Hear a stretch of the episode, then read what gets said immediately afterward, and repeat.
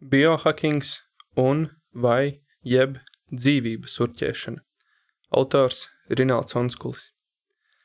Daļai cilvēciskās miesas īpašnieku piemīt vēlme pārspēt dabu, vai vismaz pārkāpt tās likumus.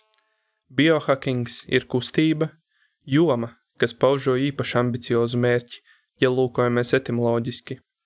Tās praktizētāji savus centienus velta dzīvības uzlaušanai, jeb dzīvības hackingam, vai vismaz cilvēka ķermeņa ģenētiskās ierobežotības uzlaušanai, kā vēsta dažādās definīcijas.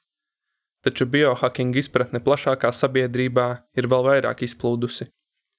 No kā gan sastāv šis biohackings? Nebūdama gluži certificētu zinātnieku pārstāvēta nozare, drīzāk līdzinoties revolucionārai disciplīnai, tā strukturizēšanā valda jaušama nekārtība. Biohackeru arsenālā ir vairāki rīki, metodes un pieejas, ar kuriem ietekmēt un modificēt cilvēka ķermeņa struktūru, kā arī tā bioloģiskos procesus. Biohakeri meklē aizvien jaunus veidus cilvēka bioloģisko vājību uzlabošanai. Vai biohackings ir zinātne? Negluži, varbūt māksla. Biohackinga pašreizējās un nākotnes iespējas ir tik daudzveidīgas, ka rodas grūtības izprast vidusmēra biohakera mākslinieka darbības vērienu. Tādēļ pakāpeniski aplūkosim, ko ietver biohackinga jēdziens, kāda ir tā analoģija ar datorsistēmu uzlaušanu, kāds ir biohackinga tēls un slava mēdījos, kā biohackeru nostādītie mērķi tiek pieteikti pašreizējā zinātnes paradigmā, un kādā veidā biohackinga tendences ir sasniegušas Latviju, kādus draudus nes grūtības noteikt pilntiesīga biohackera raksturojošās pazīmes. Pirmā sadaļa – uzlauzt sistēmu. Jēdziens hakeris latviešu valodā tiek tulkots kā urķis vai datorlauzis. Hakera dumpinieciskiem tēlam atbilstošāks variants šķistu datorlauzis, tādējādi biohakeri latviski varētu dēvēt par biolauzi, varbūt dzīvību lauzi. Savukārt, biourķis atgādina vārdu, ko spētu izburtot vien dāniski runājošs lietuvietis. Tas arī rada asociāciju ar ekoloģiju un vārdu gurķis – Interesanti būtu iztēloties, ar ko nodarbotos dzīvības urķis. Tomēr izteikti intriģējošas šķiet savstarpējās nianses biohakera un hakera, jeb datorlaužu definīcijās. Neirohackinga pārstāvji min, ka galvenais elements, kas caurvīja visas hackinga kustības, esot hakera ētos. Šāds ētos ietverot divas pazīmes. Pirmo – programmēšanas entuziastu pastāvīgu, eksperimentāli radošu darbību – Hakeru iniciatīva balstās zinātkāros centienos apgūt dažādu datorsistēmu un programmu robežas, lai pašocīgi, toties netradicionālās manierēs pārveidotu un paplašinātu tehnoloģiju ierobežotās funkcijas. Taču otra hakerētus rakstura pazīme esot neatkarība, nevērība pret autoritāšu likumiem un noteikumiem. Gadījumi, kad neuzraudzīta tehnoloģiju lietošana kļūst par manipulāciju, aizsākās pagājušā gadsimta 60. gados sākot ar pusauģiem, kuri huligāniski uzlauzuši telefona līnijas, līdz pat Massachusetts Tehnoloģiju institūta studentiem, kuri bijuši pirmie pašpasludinātie datorsistēmu hakeri. Taču pēdējo izpratnē hackings ir bijis projekts vai produkts, kas netiek veidots tikai ar konstruktīvu mērķi, bet arī sniedz gandarījumu tā izveidas procesā. Hackings bija bezrūpīga, asprātīga, taču arī atjautīga nodarbe, kura pētīja vēl nenojaustas tehnoloģiju iespējas, Zinātkāri par tehnoloģijām kombinācijā ar radošumu hakeros radīja azartu par tehnoloģisko jaunradi. Hakeri ignorēja vai pat nonievāja instrukcijas un tradicionālos pielietojuma veidus, ko bija noteikuši sistēmu programmu veidotāji. Līdzīgi apgaismības laikmeta celmlaužiem, hakeri centās izprast un uzlabot pasauli, taču tā bija jauna, priekšteču radīto tehnoloģiju pasaule. Vēlāk uzplauka arī nepakļaušanās autoritāšu pilnvarai, jo programma nepilnības varēja izmantot nelegāliem nolūkiem, lai gūtu neautorizētu pieeju datoru tīkliem, materiālu labumu vai izvairītos no atbildības par savām darbībām. Šādi draudi izsauca pretreakciju, tika sastādīti kiberdrošības likumi. Jāsacina, ka tas nav apturējis hacking entuziastus, bet izmainījis sabiedrības izpratni par hakeru spējām. Tādēļ pastāv aizspiedums – ka galvenais hakeru netikums ir stūrgalvīga juridisko likumu un regulu pārkāpšana. Taču, kā uzsver paši lietpratēji, hakeriem pirmām kārtām ir jā, jāapgūst iemaņas, jāprot sekot programmu sistēmām, lai atrastu tajās vājos punktus un manipulācijas iespējas. Hakeriem ir kopīgs darbības veids, taču katru vada individuāla motivācija.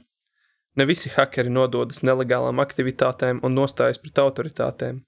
Daži pat sadarbojas ar tām, lai veicinātu kiberdrošību, kamēr citiem hackings ir vienpersonīga izraušanās. Hakeri pēc viņu ētiskajām nostādnēm un mērķiem tiek iedalīti baltajās, melnajās un pelēkajās cepurēs. Tas nozīmē, ka morālā nostāja nemaz nav tik izteikti būtiska hakera pazīme. Hakera ētus galvenokārt balstās pirmajā no divām pieminētajām raksturpazīmēm – Tā ir manipulācijas prasme, kā arī radošums datorsistēmu lietošanā. Atšķirības centienos definēt datorsistēmu hakera jēdzienu atbalsojas grūtībās precizēt, kas ir standarta biohakeris. Merijam Webster vārnīcā biohackings tiek raksturots tā krasākajās iezīmēs – gēnu rediģēšana, preparātu un implantu lietošana ārpus tradicionāli medicīniskās un zinātniskās vides – Kembridžu vārnīcā tiek sniegti trīs atšķirīgi biohakera piemēri. Eksperimentētājs, ko mudinājusi ierobežota pieeja medicīniskajai aprūpei, komunas darbinieks, kura mērķis ir pārtraukt novecošanu un arī apturēt nāvi, biohakeris ir kāds, kas seviņicē nepārbaudītu preparātu. Tikmēr Vikšanarī kā galvenos biohackinga motīvus min jautrību vai ļaunprātību. Tomēr masu mēdīji demonstrē plašu un neviennozīmīgu ainu, kura liecina arī par dzīvesveidu, rūpēm par veselību, izglītošanu un produktivitāti. Arī zinātkāri un tajā pašā laikā neatkarību no zinātniskajām institūcijām. Biohackingam pieskaitāmās apakšnozeres ir tik dažādas, ka neviena definīcija neapkalpo tās visas. Turklāt eksperimentēšanai atšķirīgās apakšnozerēs piemīt dažāda riska pakāpes, kas aicina biohackingu strukturēt vismaz divās sfērās – dzīvībai nekaitīgās un iespējami bīstamās. Tiešākā analoģija līdzīgi hackingam ir biohakeru iedalīšana baltajās un melnajās cepurēs. Tomēr pārmantotā vesternu terminoloģija kalpo kā sadalījums nekaitīgos censoņos un potenciālos bioteroristos. Taču paši biohakeri šādu dihotomiju uzskata par radikālu. Otrā sadaļa – nostāsti par biohakeriem – Ņemot vērā biohackinga relatīvo novitāti un daudzpusību, svarīgas ir šīs specifiskās nozares praktizētāju domas. Kāds alternatīvās medicīnas speciālists Josh X biohackingu salīdzina ar dzīves padomu, triku, angliski lifehack koncepciju. Ja varam iegūt maksimālu labumu no dzīves ikdienas, tad to pašu varam izdarīt arī ar saviem ķermeņiem.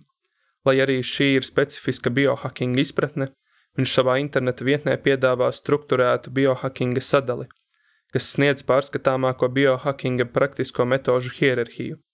Sadalījums balstās trīs plašās apakšjomās – uztura genomikā, angliski nutrigenomics, dari pats bioloģijā, angliski do-it-yourself biology, un grinder biohackingā, angliski grinder biohacking. Lai arī pat šāds iedalījums neaptver visas izplatītās biohackinga nozares, tas ieskicē trīs dažādus iejaukšanās līmeņus, kādos tiek veikta ķermeņa uzlabošana. Pirmajā netiek izmantotas biotehnoloģijas, bet aktivitātes un metodas dzīvesveida izmaiņai – diētas, miega režīmi, elpošanas vingrinājumi, meditācija, iešana pirtī un rūdīšanās – Otrais balstās uz dažādām neinvazīvām biotehnoloģijām un medicīniskām procedūrām. Savukārt trešais nodarbojas pat ar implantu ievietošanu, kā arī ar ķermeņa ķīmiskā satura un ģenētisko manipulāciju. Konstatējot apbrīnojamos mērķus un apsverot līdzekļus, pie kādiem ir gatavi ķerties drosmīgākie biohakeri, neizpaliek ētiskie jautājumi. Bažas ne tikai par pārējo sabiedrību, bet arī par pašiem biohakeriem – Laikraksts The New York Times pauž ekspertu raizes, ka jebkuram bioloģijas un ģenētikas interesantam dažādu vīrusu pagatavošanas receptes ir pieejamas internetā. Šie cilvēki nesadarbojas ar zinātniskām institūcijām, tādēļ valdība nespējot uzmanīt tik katra biohakera darbības. Arī privātās darbistabas kļūst par neoficiālām laboratorijām. Pastāv arī profesionālas biohakeru kopienas, kuru darbība liecina par noteiktu kompetenci un zinātnisku pieredzi darbībā ar organismu sistēmām. Taču aktuālas paliek šaubas par katra biohakera individuālās darbības kvalitāti, vai spējas un īstenojums atbilst iecerēm. Vietnē Tehnopīdijā atrodamā definīcija pauž, ka biohackings ir pozitīvi virzīta kustība un var uzskatīt, ka tā sako Stīvena Levija aprakstītajiem hakera ētikas likumiem. Viens no tiem ir praktiskais imperatīvs, angliski hands-on imperative. Citēju, lietu izjaukšana un to darbības izprašana sniedz zināšanas, lai radītu jaunas, interesantākas lietas. Tādējādi ļaujot apgūt būtiskas mācības par sistēmām un pasauli kopumā. Jebkura persona, fiziskā barjera vai likums, kas to aizliedz, netiek ņemti vērā. Citāta beigas. Hakingu varētu interpretēt kā saudabīgu humanisma pabeidu, turklāt arī biohacking ideoloģija oponoja zinātnes elitārismam. Pamatzināšanas biohackingā ir pieejamas ikvienam, savukārt instrumentus bioloģisku organismu uzlaušanai ir iespējams iegādāties internetā. Tādējādi nozares apgūšana kļūst par individuālu, personīgu procesu, kurš netiek ārēji kontrolēts un ir neatkarīgs no objektīvas kvalifikācijas taču biohackings, bēgot no elitārisma, balansē uz nekompetences bezdibeņa malas, un bieži vien uzstādītie biohackinga mērķi praktiski nav tik viegli izpildāmi, kā cerēts. 2018. gadā ASV pazīstams biohackeris Josiah Zeiners sev inicēja paštaisītu preparātu, ar kuru cerēja uzlabot muskuļu šūnu augšanu, taču gadu vēlāk viņš tika apsūdzēts nelicencētā medicīniskajā komercdarbībā, CRISPR gēnu rediģēšanas rīku izplatīšanā. Toties attīstības valstīs, piemēram, Kamerūnā, biohackings nebūtu neparedz dumpinieciskumu. Tas kalpo kā perspektīva ceļā uz ekonomisku neatkarību, lai patstāvīgi iegūtu sadzīvē nepieciešamus produktus. Interesanti šķiet piemēri par to, vai sabiedrībā izdotos integrēt biohackerus un to uzlabojumus. Sidnejā kāds biohakeris savā ķermenī zem zādes ievietoja vilcienu transporta kartes mikroshēmu, taču vēlāk saņēma sodu, jo izgriezdams kartes mikroshēmu pārkāpa kompānijas noteikumus par kartes bojāšanu. Tomēr šis gadījums pamatojams ar juridisku noteikumu neievērošanu, nevis kiborgu diskrimināciju. Tikmēr Zviedrijā dzelzceļu pakalpojumu sniedzēji ir gatavi pielāgoties arī pasažieriem ar mikročipu implantiem. Toties ASV kāds vīrietis 2015. gadā zaudēja bērnu aprūpas tiesības, jo viņa aizraušanās ar grinderu biohackingu tikusi raksturota kā sevis sakropļošana. 1988. gadā The Washington Post priekšlaicīgi tiek minēts biotehnoloģija attīstības potenciāls, pieminot biohakera jēdzienu un paužot tā jēgu tiek apspriestas tiešās paralēles ar datorsistēmu hackinga aizsākumiem, kurus pavadīja uztraukuma mākti virsraksti masu mēdījos. Pastāvēja viedoklis, ka programmu un koda rakstīšana datorā ir nesalīdzināmi vienkāršāka joma nekā inovāciju radīšana bioloģijas jomā, jo tieši dators ir instruments, ar kuru hakeris piekļūst iecerētajām sistēmām. Taču 30 gadus vēlāk arī biohacking interesantiem ir iespēja piekļūt saviem ķermeņiem, pat to ģenētiskajam materiālam, ar masu patēriņam paredzētiem rīkiem. Daži pieredzējušākie biohakeri veido veselas industrijas, lai biohackinga procesu darītu plašāk pieejumu ne tik prasmīgajiem interesantiem. Biohackinga eksperimentēšanas prakses jau pakāpeniski aizstāja lietošanai sagatavoti, angliski ready to use rīki, kas tiek ražoti masveidā un sāk atgādināt preces. Pieejamo produktu klāsts ir plašs un kontrastains, no tinktūrām, augstvērtīgiem pārtikas produktiem, vietālruņu aplikācijām, ķermeņa procesu analizēšanas sensoriem, Amazon bestselleriem, sporta ekipējuma, sarkanās gaismas lampām, uztura bagātinātājiem, zilo gaismu bloķējošām brillēm līdz par pārnēsājamajām laboratorijā un nepārbaudītiem preparātiem. Taču preču patērēšana obligāti neparedz to izpratni. 2019. gadā Kalifornijas štata senāts uzsāka likumprojektu par CRISPR gēnu rediģēšanas tehnoloģijas aizliegumu tās plašās pieejamības dēļ. Un varbūt tomēr biohakeri neapdraud sabiedrību, bet galvenokārt paši sevi. Kādas sekas ir neveiksmīgiem ķermeņa uzlabošanas mēģinājumiem? Trešā sadaļa – uzlaušanas māksla. Tomēr visievērojamākā atšķirība starp hakeriem un biohakeriem ir sistēma, ko tie cenšas izlasīt un uzlauzt. Ja datorsistēma ir cilvēka radīta, kas vēl tikai aug savā sarežģītībā un apmērā, tad biohakeri cenšas atšifrēt paša ķermeņa programma, kas nav cilvēka izveidota un nav pilnībā izprasta. Vēl nav precizēta robeža, cik ļoti cilvēku būtu iespējams uzlabot. Vai cilvēks ir tikai konstruktīvs mehānisms? Sākot ar vizuālajiem parametriem un izmēriem, līdz pat asinsgrupai un šūnu izkārtojumam, ik viens ķermenis mikroskopiskā līmenī ir neatkārtojams, pat dviņu gadījumā. Arī biohackinga lietpratēji apzinās, ka neviena cilvēka ķermenis nav identisks ar citu. Līdz galam nepārbaudītu biomedicīnisku preparātu un metožu iedarbību uz katru censoni var izrādīties atšķirīga.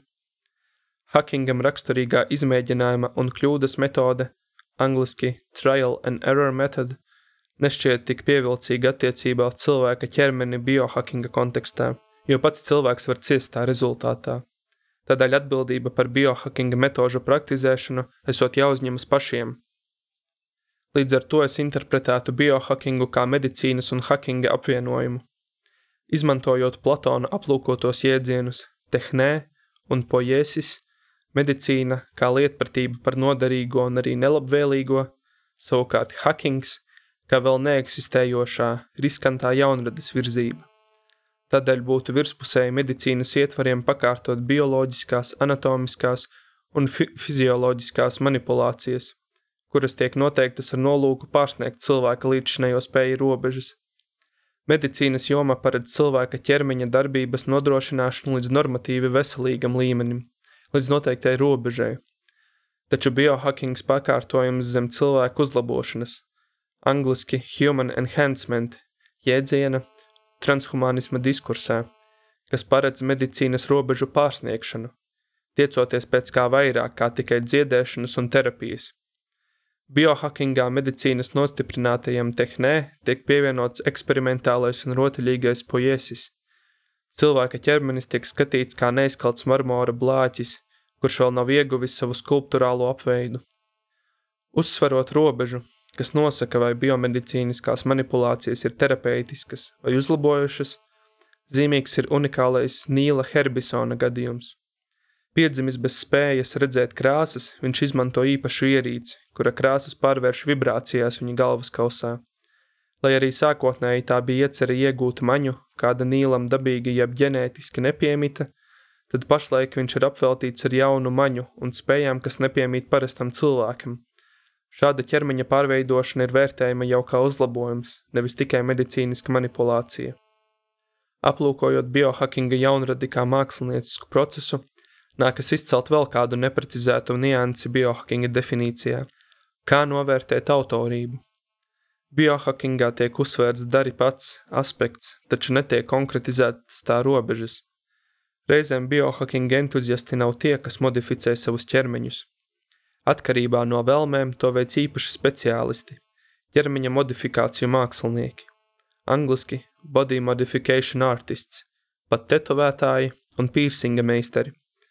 Savukārt, dažādās valstīs vairākas biohakeru kopienas strādā neoficiālās vai pat komunālās laboratorijās un veic sistemātiskus pētījumus.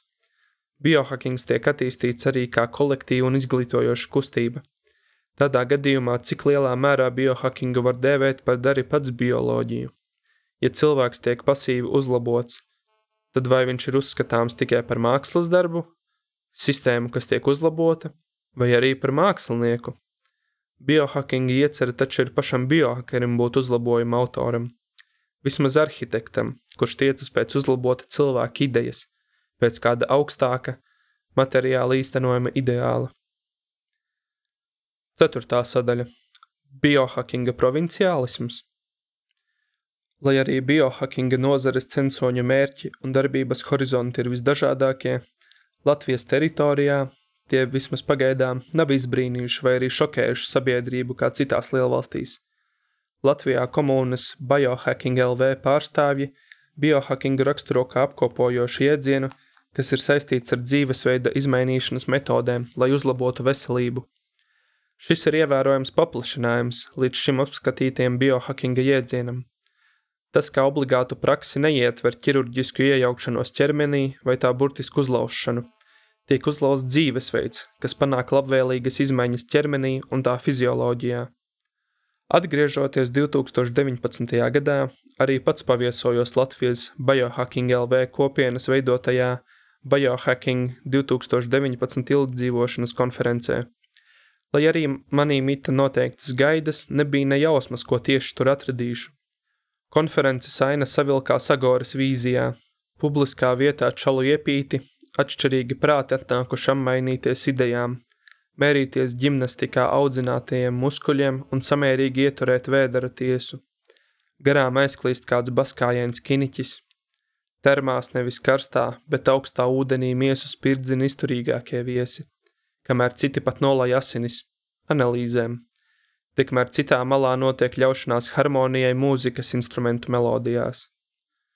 Tomēr, aizgaiņājot helēniskās vīzijas, acis attopas futūristiskā tirgus placī.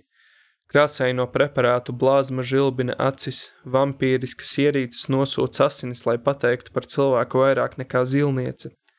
Speciālisti ķermeni salīdzina ar mīcāmu mālu, kas apņem apziņu, tiek piedāvātas brilles, kuras nevis ļauj saredzēt pasauli, bet sargā acis no tās gaismas viļņiem. Daļa klātesošo bēg no ierastā komforta, tādēļ slēpj savus ķermeņus kaulus stindzinošā ūdens baļļā, vai caur perkusiju ritmiem sajūt vēl neiepazīto.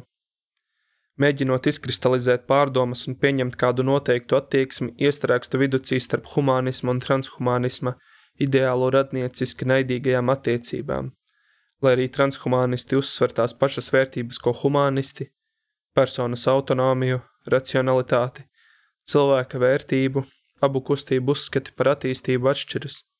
Kā humanisti, tā arī transhumanisti cildina cilvēku, vienlaikus apzinoties tā bioloģisko ierobežotību. Kamēr humanisti šo stāvokli cenšas uzlabot ar izglītību un kultūru, transhumanisti nesamierinās ar cilvēka dabu kā pašmērķi. Transhumanisti, izmantojot tehnoloģiju palīdzību, grasās pārkāpt cilvēciskuma formas robežām, lai tuvotos kam vērtīgākam, pārcilvēciskajam, Abu nostāju centrā ir cilvēka cieņa, taču cilvēcību iemiesojošais ķermenis kļūst par līdzekli, par gaumes jautājumu. Arī galvenie pasākuma programmas runātāji pauda dažādus uzskatus par to, kādos veidos ķermenis būtu jāuzlauž. Starp lektoriem bija dzirdami arī tādi lietpratēji, kuri nepieminēja tehnoloģijas, medicīniskās procedūras vai eksotisku substanču lietošanu. Tā vietā tika pausta aicinājumi pievērst uzmanību miega ilgumam un ēšanas režīmam. Arī sevis apzināšanās, angliski mindfulness, prakse tiek raksturota kā biohackings. Var nojaust, ka cilvēks ir arī uzskatāms par biohakeri kaut tik lielā mērā, kamēr trendveidīgi patērē citu domu biedru izvirzītās metodes sava ķermeņa uzlaušanai vai vismaz tā veselības uzlabošanai. Vairs biohakera jēdziens nešķiet tik dumpiniecisks un revolucionārs. Izzūd hakera ētosam raksturīgā jaunrade un vajadzība pēc morālās pozīcijas. Jauna, radošuma pilna kustība tot par savu pretstatu. Klasisku programmu, kuru apgūst tikai lai izpildītu. Piektā sadaļa – noslēgumā. Aktuālākās briesmas nepastāv biohackingā kā kopienas zinātnē, kura varētu radīt bioteroristus, bet gan kā pārāk plašā nozarē, kura visdažādākajos mēros tiek saprasta zinātniskā darbība – un arī pat uzlaušana, sākot no netradicionālu medicīnisko preparātu patērēšanas līdz pat transhumānistu centieniem pārveidot cilvēku. Institucionālās zinātnes sausā skrupulozitāte atsevišķos gadījumos tiek uztverta pārlieku negatīvi, tiek saldināta ar individuālām vīzijām par progresu, jauninājumiem un iespējams arī vēlmi sekot kustībai kā trendam, to izprotot tikai virspusēji. Tā kā paliek vieglāk kļūt par biohakeri un piedalīties biohackingā, zūd ne tikai praktiskā lietpratība tehnē, tiek aizmirsts arī esenciālais poiesis. Tādējādi netiek veicināta jaunrade hakeru izpratnē. Dialogā Gorgijs, Platons min, ka ēdiena gatavošana tiek saistīta ar patīkamo ķermenim, kamēr medicīna ir zināšana par nepieciešamo tam. Arī biohackingam piemīt potenciāls kļūt par ko vairāk kā tikai patīkamu nodarbi. Biohackinga status attiecībā pret zinātni ir nenoteikts. Daļa uzmanīgāko biohackeru uzticas citu pārbaudītām metodēm, kamēr prasmīgākie un augstasinīgākie biohackeri institucionālo zinātni uzskata par kavēkli. Biohacking sāk vairāk līdzināties specifiskas mākslas tehnikas nozarei, kura vismaz ideoloģiski veido jaunu cilvēka ķermeņa vizuālo, kā arī funkcionālo estētiku. Tiek izvirzīti ideāli, kur aprises pagaidām vēl ir miglainas. Briest ambīcijas caur cilvēcisko ķermeni izprast dabas sistēmu, nevis lai dabu atdarinātu, bet pārveidotu. Varbūt Latvijas mēroga biohackinga nodarbēm mērķtiecīga urķēšana un piņķerēšanās būtu atbilstošāks jēdienisks raksturojums, un rūdīšanos, iešanu pirtī, baskāju skriešanu nav nepieciešams pakārtot anglicismiem. Iespējams, pat dēvēt par dzīvības urķēšanu.